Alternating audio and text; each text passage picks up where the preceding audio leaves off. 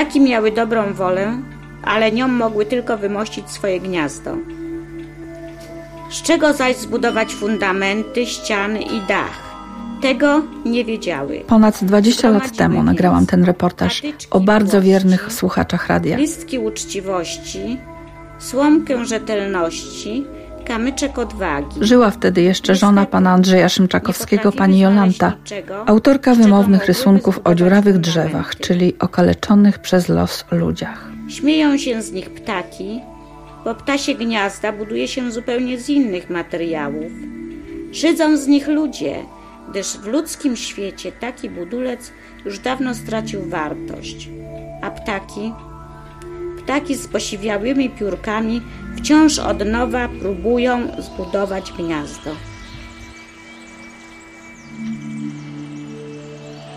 Rodzina albo zrządzenie losu pozostawiło ich w przytułkach. Mieli swoje pasje, marzenia i wyobraźnie.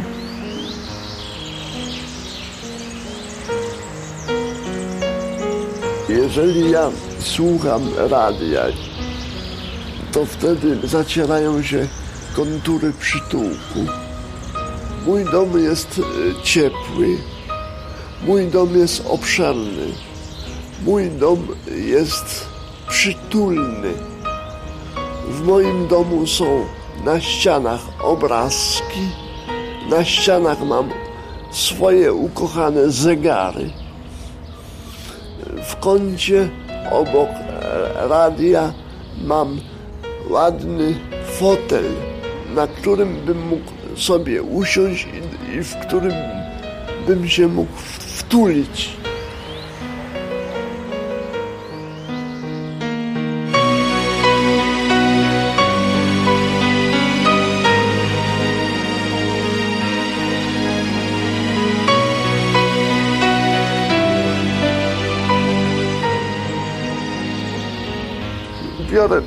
Fajkę, w fajce mam aromatyczny holenderski tytoń, który moja żona bardzo lubi.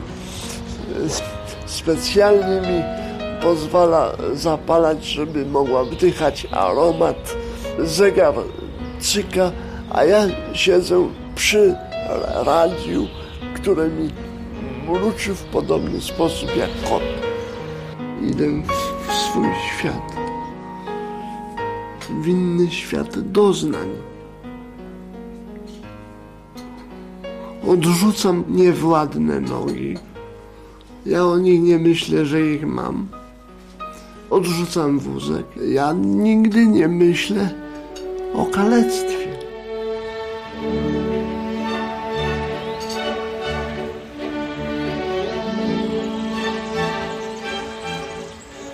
Siebie widzę jako wielkiego tancmistrza pod wpływem impulsów tanecznych.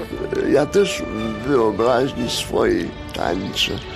Muzyka zaczyna grać i wtedy elegancko się skłaniam, rączkę całuję, obejmuję stosownie do chwili i idziemy.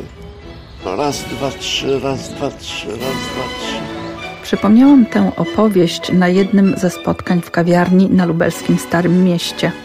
W rogu przy łuku piwniczego sklepienia z kawą siedział zasłuchany Artur Giordano, kompozytor i realizator prezentowanej audycji. 22 lata temu, kiedy przygotowywaliśmy ten reportaż na antenę, to był jego pierwszy krok w kierunku współpracy z radiem. W jego życiu od tamtej pory wiele się zmieniło, o czym nie wiedziałam. Nie sądziłam, że będzie to miało znaczenie dla bohatera mojego reportażu, który również był obecny na tym spotkaniu. To dom pomocy społecznej przy Głowackiego w Lublinie. Na zewnątrz prowadzone są prace budowlane. Artur chce koniecznie zobaczyć się z panem Andrzejem. Chciałby złożyć mu pewną propozycję. Wnętrze jest zupełnie inne niż 22 lata temu. Po remoncie, czysto, schludnie, nowocześnie jest winda. Dzień dobry. Jesteśmy umówieni z panem Andrzejem Szymczakowskim. Szymczakowskim. A teraz to pani to zaprowadza. Zapraszamy tam na pokój. Ja już moment, panie Andrzeju. O, pan Andrzej z niecierpliwością na państwa wygląda. Jaki elegancki. Ale specjalnie na tę okazję. Ojej. Ja się przywitam. Pan mnie kojarzy na ostatnim spotkaniu, Artur Giordano? Kojarzę. Kojarzę mi pan. Kojarzę. Wszystko wiem. Ja poczułem, jak właśnie pana historia życiowa wpłynęła na to, kim ja teraz jestem, czym się zajmuję. I to jakby niesamowicie poczułem mm, wtedy na, na tym naszym ostatnim spotkaniu, że no jest to bardzo ważne. Ja to czuję teraz dokładnie, że właśnie ten moment był dla mnie jakiś przełomowy. Że Pana właśnie życie, ta historia, to, że ja mogłem w tym uczestniczyć, to był dokładnie taki moment, który wpłynął na dalszy mój rozwój. I to wrażliwość moją, to, że już jako dwudziestokilkolatek mogłem się jakby stykać z takimi historiami, realizacją reportaży pracy w Radio Lublin z reportażystkami, które też uwrażliwiły mnie, ale to była pierwsza właśnie Pierwsza ta historia i to właśnie była Pana historia. I ja teraz chciałbym się odwdzięczyć i właśnie spełnić Pana marzenie, związane też poniekąd z tym reportażem, jakby dalszą część tej historii poprowadzić. Ja jestem bardzo wdzięczny za samą myśl. Ja też swoim znajomym teraz to puszczam po 20 latach i wszyscy są zachwyceni jakby mm, historią Pana życia i tym, że oni przez przesłuchanie mogą czuć się lepsi, bo rozumieją potrzeby innych, inaczej patrzą na, na miłość, doceniają wszystko, co jest obok. I A to miłość to by mi się jeszcze przydała. Pan wtedy powiedział, że ma marzenie. Kocham mu muzykę i strasznie kocham Straussa. Moja wyobraźnia idzie tak daleko, że chciałbym kiedyś być w Wiedniu, usiąść sobie przy stoliku w kawiarence wiedeńskiej z odpowiednim towarzystwem, bo samemu to by było smutno. I posłuchać powiedzmy walca Straussa, czy w ogóle muzyki Straussa.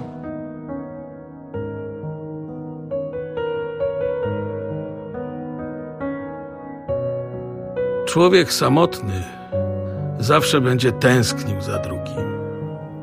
Zostałem sam, a to nie jest łatwe. Często mocno boli. Urodziłem się w Radomsku, a właściwie sam nie wiem gdzie. Do 17 roku życia mieszkałem z rodzicami na Śląsku. Po śmierci matki ojciec alkoholik oddał mnie do przytułku. Tułałem się, to tu, to tam, po całym prawie kraju. Wszędzie zwracałem uwagę, że nie jestem tylko fizycznie, że niedołężne ciało to tylko część mnie. Moja dusza cierpi. Myślę, czuję, jestem. Pani Jola zmarła 19 lat temu. Oboje dzielili większy pokój. Dwa wózki inwalidzkie w nim się mieściły. Teraz pan Andrzej ma malutki pokoik, w nim maszynę do pisania, telewizor i radio, trochę książek. Z ściany dobiegają odgłosy zbiorowego życia pod jednym dachem.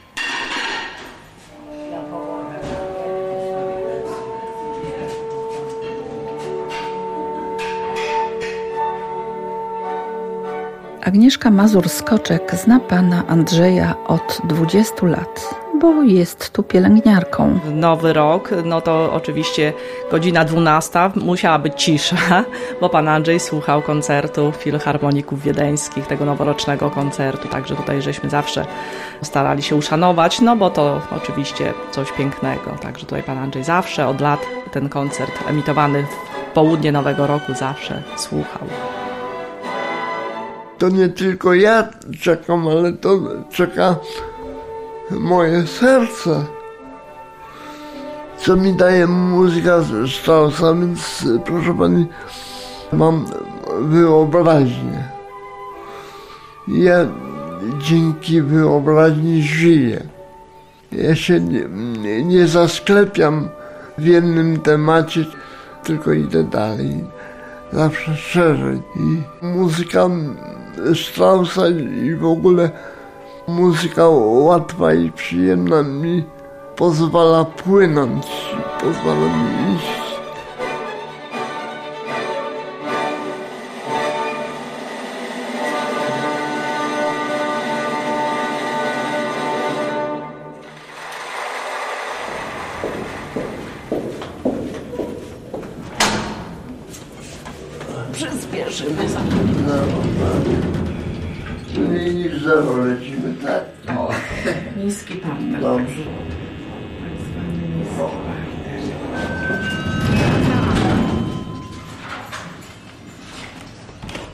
Fizjoterapeutka Jadwiga Mahdi. Tu mamy taką salę, gdzie są zabiegi. Pan Andrzej też czasami wskazane przez lekarza przeciwbólowe zabiegi ma i obiecuje, że będzie ćwiczył i wie, jak się poprawiać na wózku, jak współpracować, jak sobie samodzielnie ogolić brodę, tudzież jak elegancko sobie zjeść posiłek.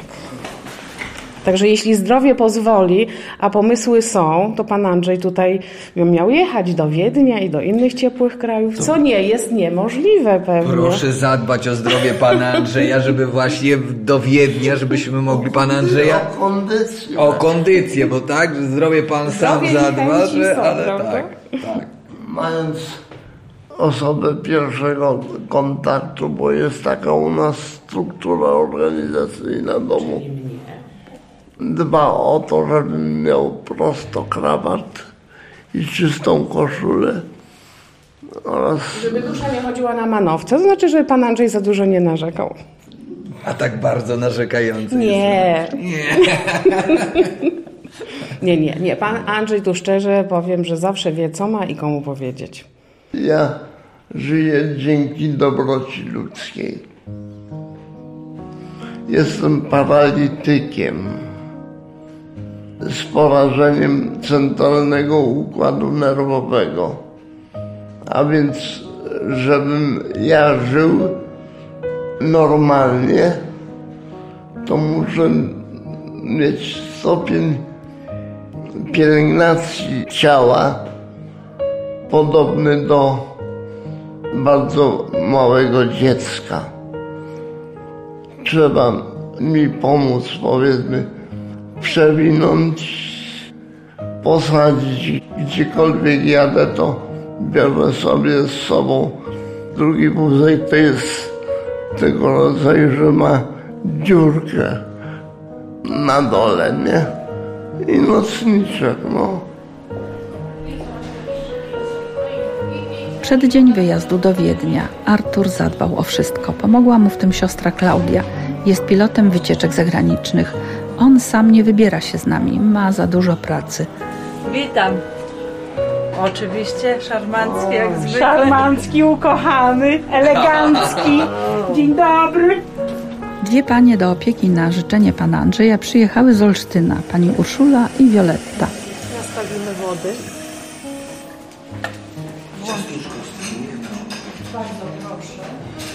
Kto z Państwa sobie życzy, to tutaj jest Ciastuszko. bardzo proszę. I tu filiżanki.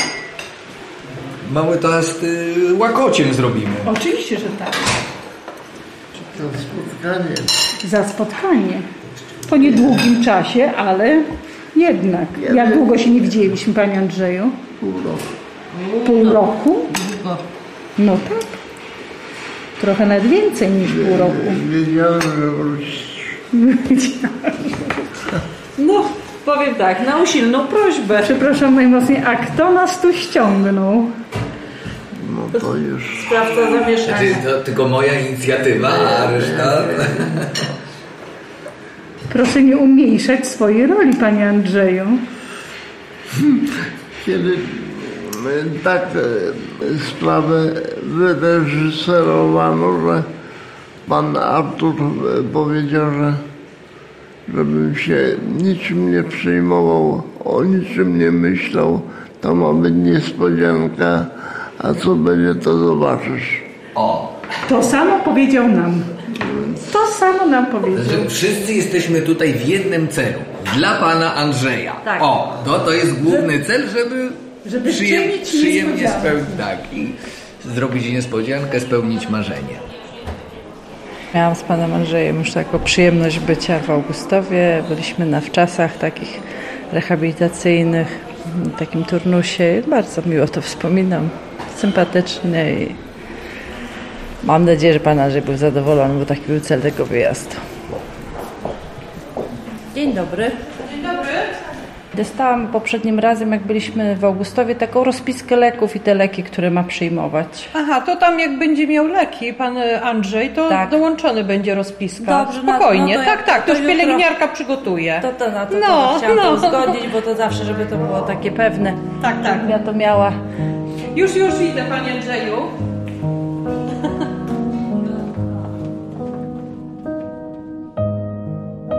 Będąc w związku małżeńskim najpierw z Zuzią, później z Jolą, z całych sił walczyłem o zachowanie naszego człowieczeństwa. W tej walce miałem wielu sprzymierzeńców. Siostry zakonne, brat Lucjan, Antoś i Jarek. Walka o przetrwanie wyczerpała moje siły, ale nie wzbogaciła życia. Mój Boże.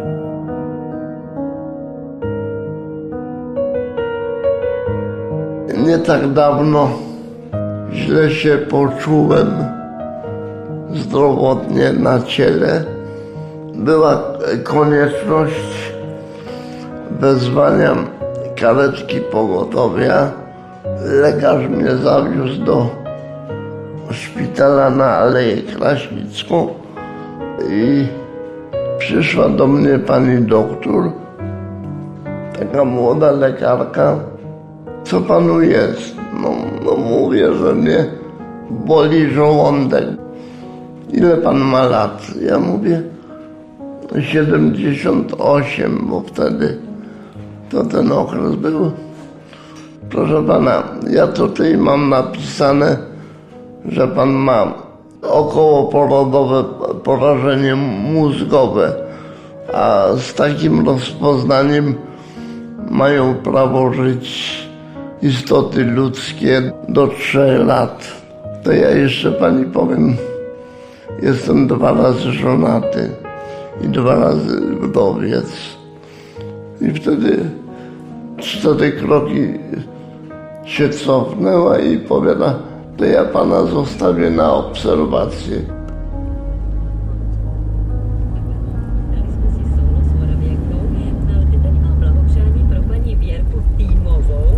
Z Lublina do Wiednia jest 750 km.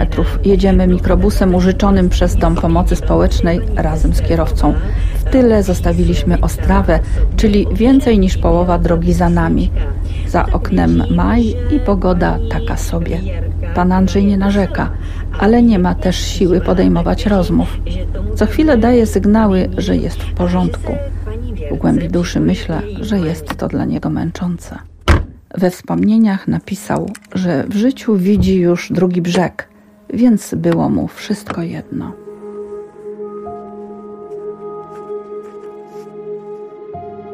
Wujowie Franciszek i Stanisław byli kanonikami. Powinienem więc wierzyć, że po śmierci będę miał lepiej niż teraz. Ale moja wiara jest słaba i często zastanawiam się, czy przeżywając różnego rodzaju kryzysy, nie przegram, spodziewając się wieczności bez bólu i łez. Mam nadzieję, że wkrótce wszystko przestanie być dla mnie tajemnicą. Póki co jestem bardzo niecierpliwy. Pragnę przeżyć jeszcze coś wzniosłego. Moje życie mogę przyrównać do drogi krzyżowej. Na drodze krzyżowej Chrystus miał świętą Weronikę i powiedzmy Szymona z Syreny. Także czasem mi się zdarza mieć takich ludzi, którzy mnie wspierają i którzy nie dopuszczają do tego, żebym ja upadł. To, żeby powiedzmy pójść w narkotyk czy w inny sztuczny świat, to trzeba po męsku trochę powalczyć i pójść pod górę.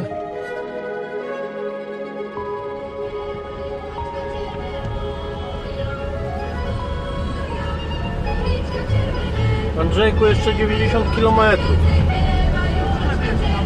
Prawie wiesz, rzut beretem.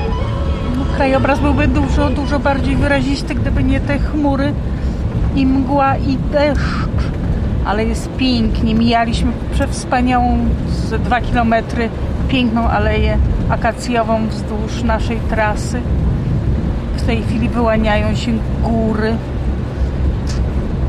sady. Tak, sady. Zwierząt trochę nie widać, bo deszcz pada, więc pochowały się. Roślinność pięknie zielona, o różnych odcieniach zieleni. Po prostu cudownie. Ciężka od wody. Naprawdę pięknie. Tak, góry te białe, takie to chyba wapienne. Program austriackiej telewizji śniadaniowej budził nas na zajutrz w jednym z wiedeńskich hoteli. W Austrii było wtedy polityczne trzęsienie ziemi. Przedterminowe wybory zarządził kanclerz Sebastian Kurz z powodu afery korupcyjnej związanej z rosyjskim oligarchą. Bohaterem kompromitującego nagrania opublikowanego przez Süddeutsche Zeitung i Der Spiegel był wicekanclerz Heinz Christian Strache. W obszernym holu, który jest jakby zadaszonym patio, czeka pan Andrzej. Jest pierwszy. Ogarnia wzrokiem wnętrze budynku. Jest bardzo dużo przestrzeni. Strój taki podobny do zamku trochę. I to tak ładnie wygląda. Ja żyję na bocznicy społecznej już 60 lat, a bocznicą społeczną nazywam pobyt w Domu Pomocy Społecznej, aczkolwiek z przyjemnością muszę powiedzieć, że teraz coraz więcej mogę się udzielać jako normalny obywatel, no bo to jest wszystko uzależnione od podejścia do osób niepełnosprawnych.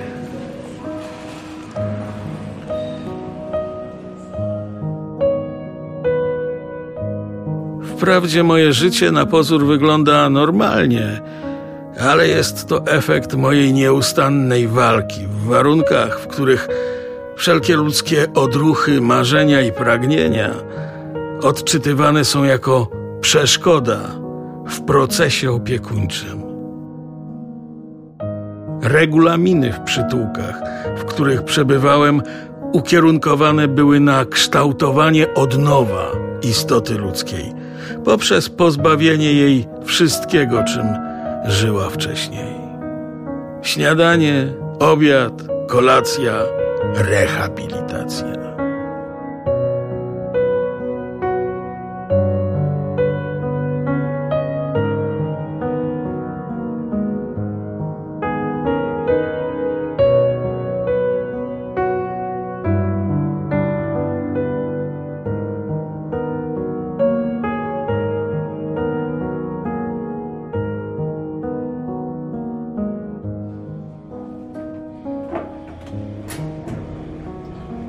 Wyspałeś się? Tak, tak, oczywiście. Wszystko dobrze w porządku? No to się cieszę. Ja najbardziej. Garnitur, mucha, biała koszula. Elegancja na całego. No inaczej nie można do opery wiedeńskiej się pokazać.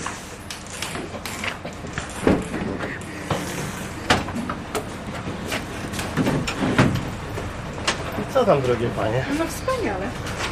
Właśnie podziwiamy na full serwis. Po prostu pod same stópki podjeżdża platforma, opada na dół, wjeżdżamy, jedziemy. Takiej wygody to nikt nie ma, panie Andrzeju. Prawda? Oprócz prezydenta. Na pewno, nie musi sam chodzić, panie Andrzeju. Cesarz to ma fajne życie. Cesarz, tak jest. Flagicy. Wożą go w lektyce. Tak.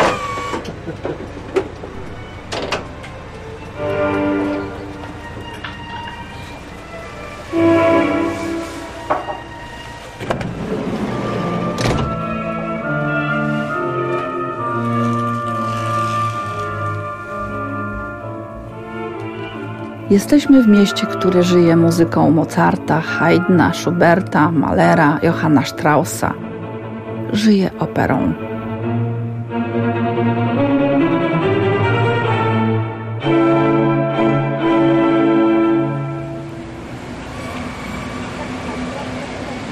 Pilotka Klaudia umówiła nas z panią Małgorzatą Nowak, autorką świeżo wydanego przewodnika po Wiedniu, który ma być dla każdego z nas prezentem.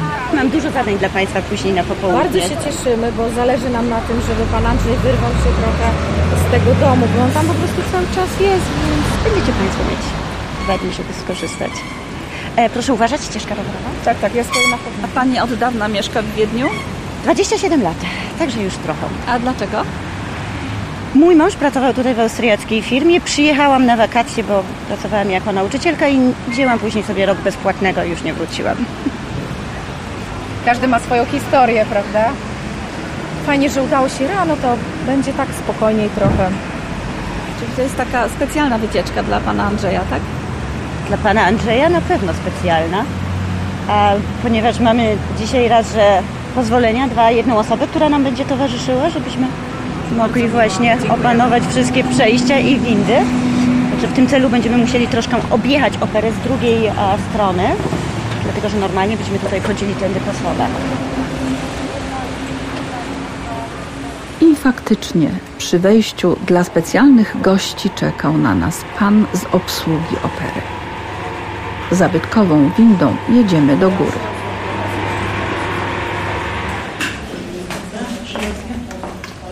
Łokcie do siebie. Jesteśmy w tej chwili na tej wspaniałej klatce schodowej opery. Także tędy kiedyś wchodził cesarz na spektakl. Niestety opera nie przetrwała od czasów cesarskich w 100%, była bombardowana w 1945 roku. Także tylko ten fragment od strony ringu, tu gdzie jesteśmy w tym momencie, jest autentyczny. Cała reszta to niestety były zniszczone mury 50 powojennych lat odbudowy. No to Panie Andrzeju, spełnia się marzenie. Jest Pan w wiedeńskiej operze i to w bardzo dobrym momencie. Opera, opera właśnie obchodziła swą 150. rocznicę istnienia. Także tutaj Pan widzi specjalne, można powiedzieć, dekoracje na ścianach w związku właśnie z jubileuszem opery, historyczne zdjęcia ze spektakli, galeria słynnych nazwisk. W tym momencie można odnaleźć niemalże wszystkich, którzy kiedyś śpiewali w operze. Bardzo proszę, jeśli Pan e, spojrzy tutaj w tę stronę, widzi Pan nazwiska. Aktualnie najsłynniejszy Polak śpiewający w Wiedniu to Pan Piotr Beczała. Inne słynne nazwiska to Maria Reining, Peter Weber, James King, Adrian Erdöl, Marta Roche, Weselina Kasarowa, Paula Windhauser i tak dalej, i tak dalej. To są setki nazwisk tutaj na ścianach. W tym momencie akurat patrzymy na artystów opery, solistów, e, śpiewaków.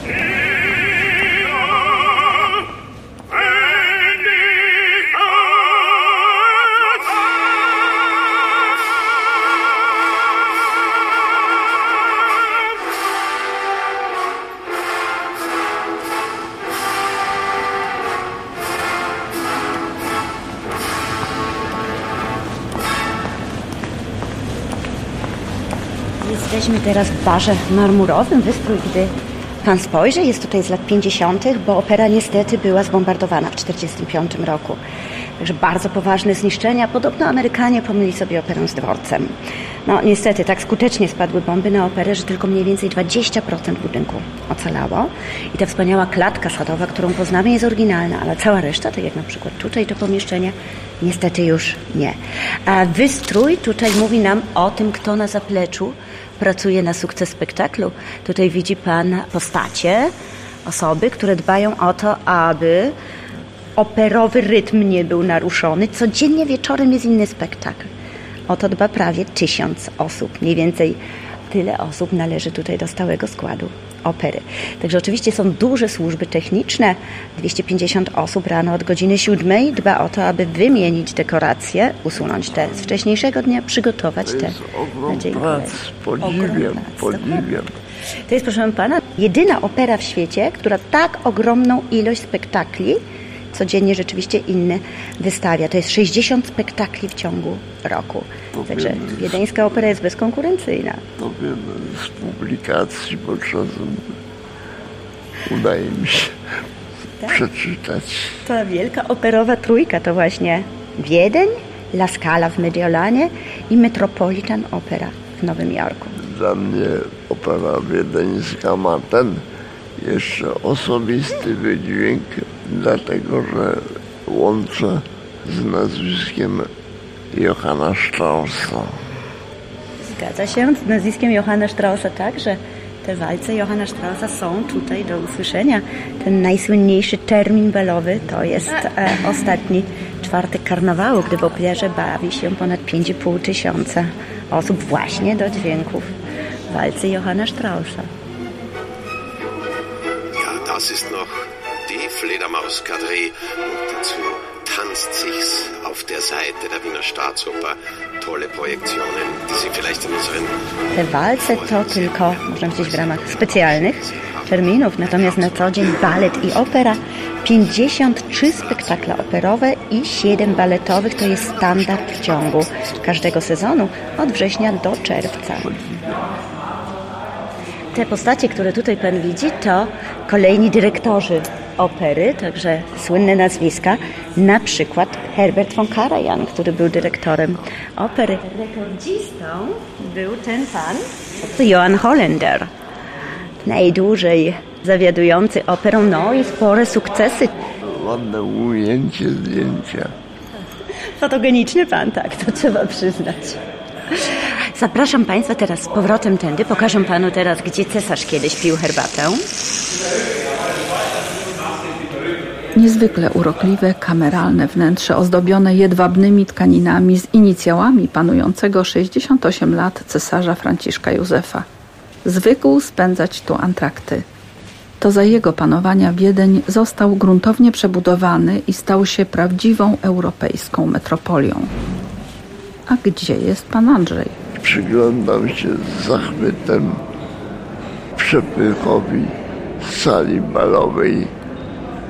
Uważam, że dotąd człowiek żyje, dopóki posiada możliwość wyobraźni. Sztuka wspomaga, żeby nie upaść. Dla mnie to jest świątynia. Ja całe życie o tym marzyłem, żeby tutaj być. Jak zacząłem 80 rok życia, wreszcie się to moje pragnienie spełniło. Teraz zobaczymy, jak wygląda ta wspaniała klatka sadowa, też z czasów cesarskich.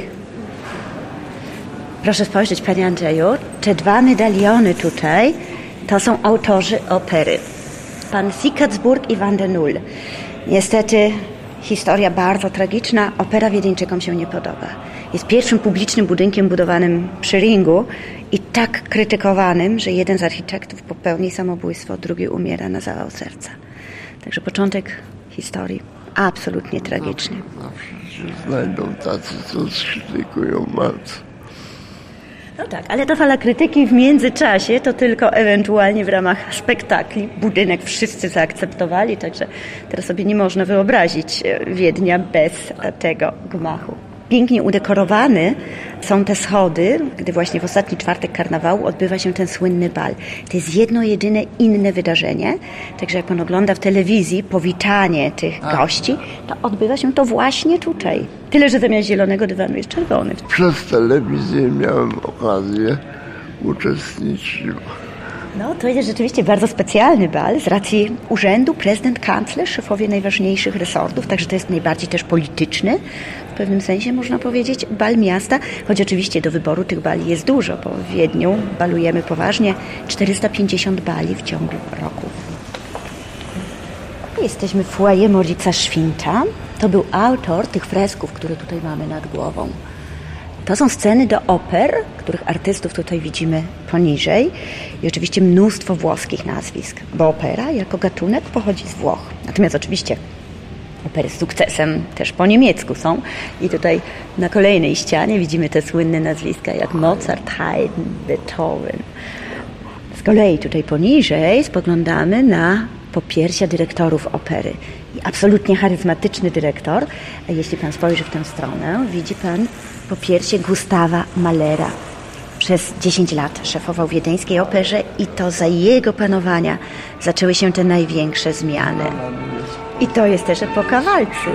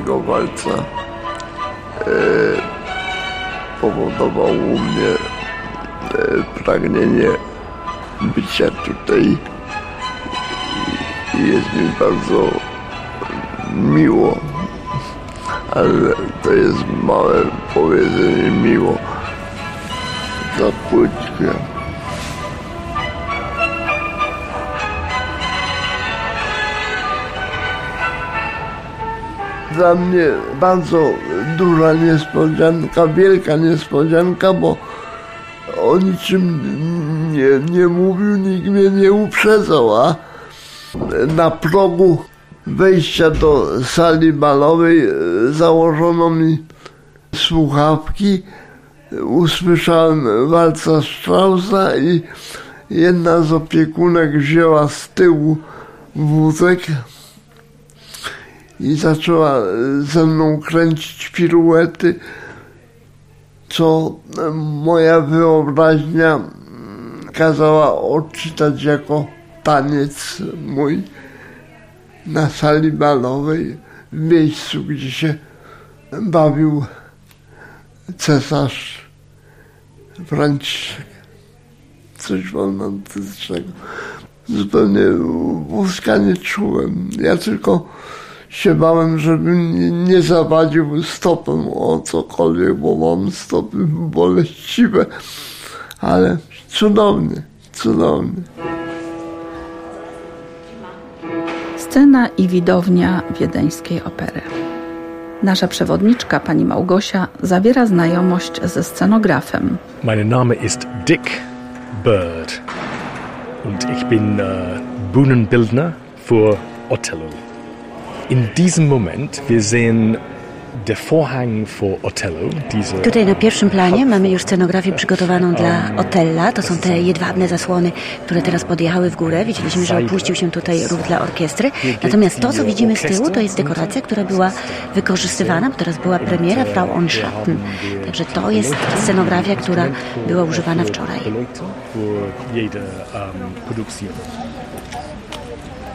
Pana proszę, proszę. Przejdźmy proszę jeszcze kawałek, dobrze? Zaraz opowiem. Pomnik Johanna Straussa, Mozarta, dom Hundertwassera, to wiedeński Gaudi, pałac Schönbrunn i park, w którym pani Małgorzata, przewodniczka, powiedziała. Panie Andrzeju, jesteśmy teraz zdecydowanie w najpiękniejszym ogrodzie miasta. Te róże zakwitły dla Pana, czekały na Pana przyjazd, bo normalnie to już tydzień temu one powinny stać w kwiatach. Jak Pan widzi, dopiero teraz się rozwijają. A jest tych róż tutaj ponad tysiąc, 850 różnych odmian na obrzeżu. I gdy pan spojrzy, widać, że na tych pniach róż są takie białe tabliczki. To są dedykacje. Można zadedykować komuś różę na 5 lat. Dedykacje są w różnych językach, są także w języku polskim. No chętnie bym to zadedykował dla pani na przykład. Tak, dla Małgosi. Ależ dżentelmen. Za piękne słowo. A w tym pani momencie jest- tylko pani będzie jest pewno problem, żeby dostać wolną Bo nie różę, bo jak pan róży. widzi, wszędzie wiszą już dedykacje. W tym momencie już dedykuje się drzewa. Pani by nie, nie mogła Nie mogła załatwić? Tak. Może jest Panie Andrzeju, będziemy dyskutować na ten no. temat. Na tyle miesięcy. Zabiorę teraz pana pod świątynię Tezeusza, pokażę panu, gdzie jest pomnik cesarzowej Sisi, bo też chcemy zerknąć. Bardzo proszę. A tam w oddali jest austriacki Szekspir. W Polsce pan Grillparzer nie jest specjalnie znany. Tutaj to jest ten wieszcz narodowy, którego sztuki są e, wystawiane oczywiście w każdym teatrze. Także ważna bardzo postać dla kultury. O, pachnie. Mm. Czuje pan?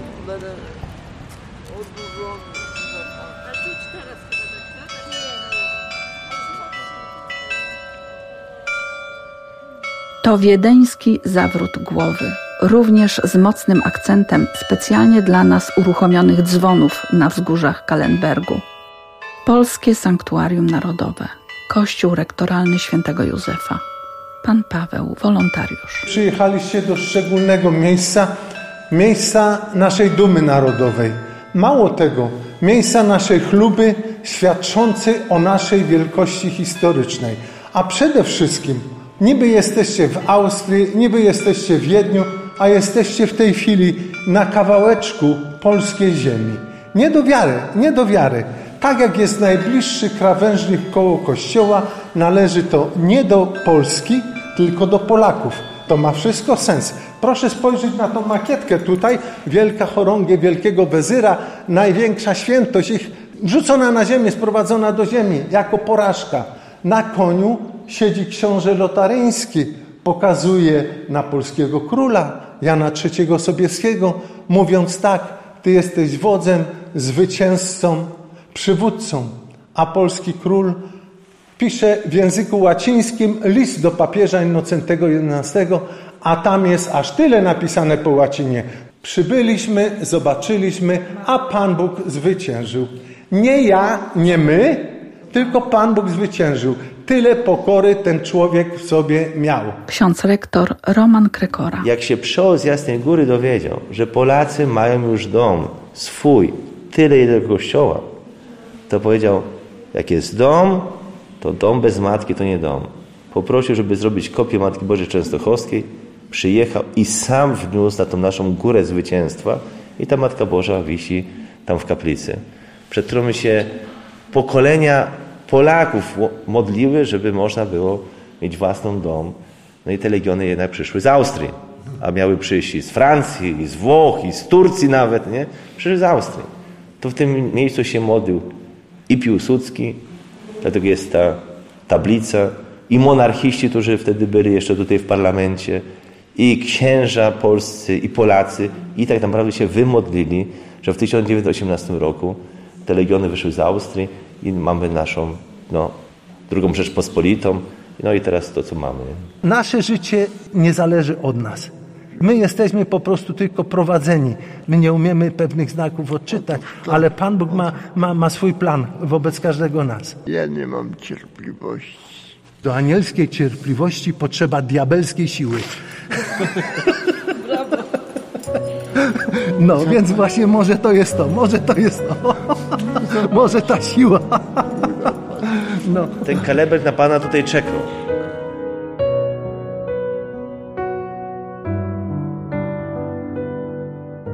Żeby mieć e, cierpliwość, to trzeba diabelskiej siły. I w to wierzę. Tam właśnie zostałem podniesiony z upadku.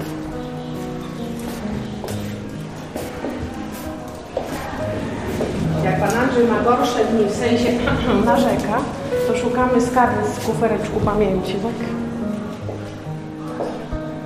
Od tej przygody minął ponad rok. W tym czasie spalił się dach w Domu Pomocy Społecznej. Pensjonariuszy i pana Andrzeja przeniesiono w inne miejsce. Pojawiła się również pandemia koronawirusa.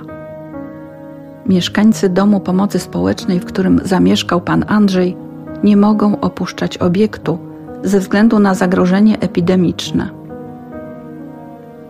Artur jest cały czas w kontakcie z panem Andrzejem. W tym celu zorganizował mu telefon komórkowy. Można porozmawiać, coś przywieźć, podać przez drzwi. A kiedy można będzie go odwiedzać, nieraz po partyjce szachów przywołają wyprawy do Wiednia. Nie wiem, musimy się obrócić. Odą. Pełny obrót. A może ja bym pom pomogła? Tak, bo pani no, może tak, lepiej. Może ja właśnie.